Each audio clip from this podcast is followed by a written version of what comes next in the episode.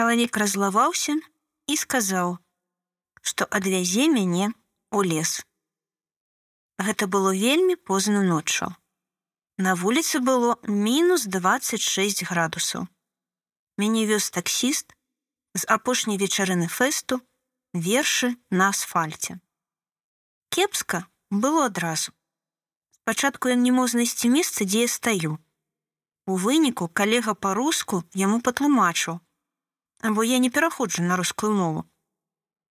Калі была ўжо ў машыне і сказала адрас, ён адразу запатрабаваў, каб я размаўляла па-нармальнаму.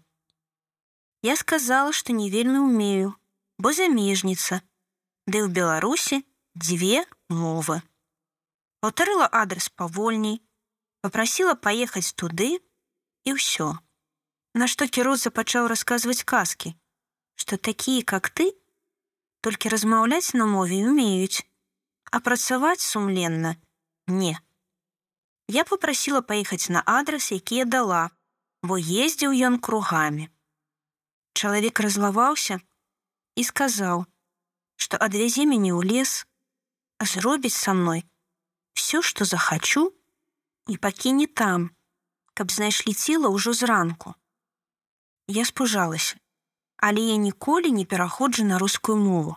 Гэта пункт, за які я гатовая памерці. Я сказала яму, маўляў, сябры чакаюць, ужо пішуць і гатовыя выклікаць міліцыю.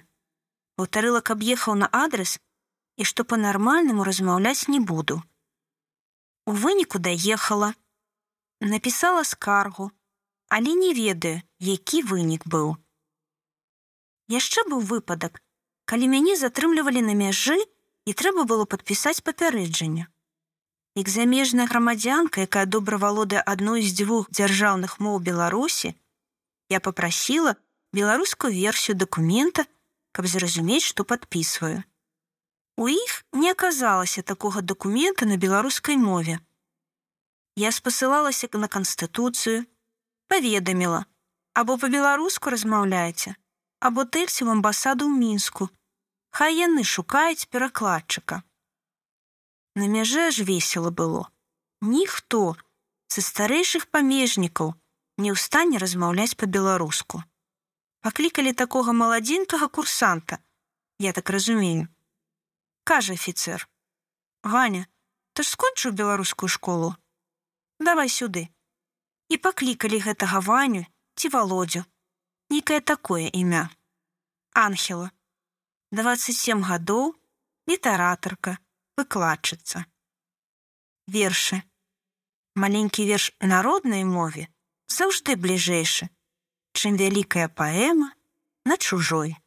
Чытала Ірына Навіцкая.